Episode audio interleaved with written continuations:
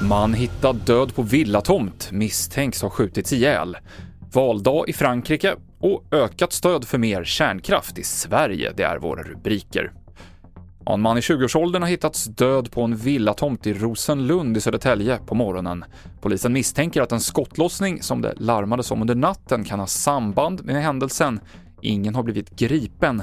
Så här säger Mats Eriksson på polisen om arbetet på platsen. Ja, vi har ju spärrat av ett område runt eh, den avlidne. Eh, pågår dörrknackning och anna, andra insatser där vi pratar med vittnen, personer som har gjort iakttagelser och en så kallad trygghetsinsats pågår. Svenskarnas stöd för kärnkraften är på rekordhög nivå.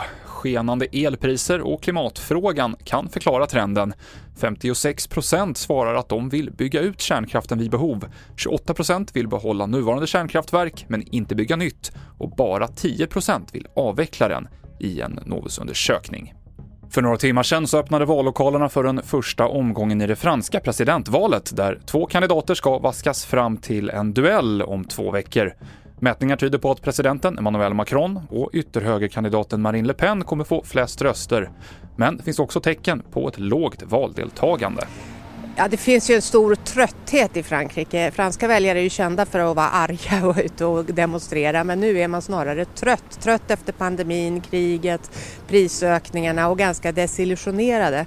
Och eh, om man är missnöjd med Macron i det här valet så finns de enda alternativen som finns att rösta på nu är ju extremer. Antingen till höger eller vänster och där får många faktiskt att tycka att de inte har egentligen något alternativ i det här valet. Det sa vår reporter Elisabeth Frerot som befinner sig i Paris. Till sist eh, Formel 1. Ferrariföraren Charles Leclerc tog hem Australiens Grand Prix som kördes i morse svensk tid. Hans andra seger för säsongen. Huvudkonkurrenten Max Verstappen bröt loppet. Fler nyheter finns i appen TV4 Nyheterna. Jag heter Mikael Klintevall.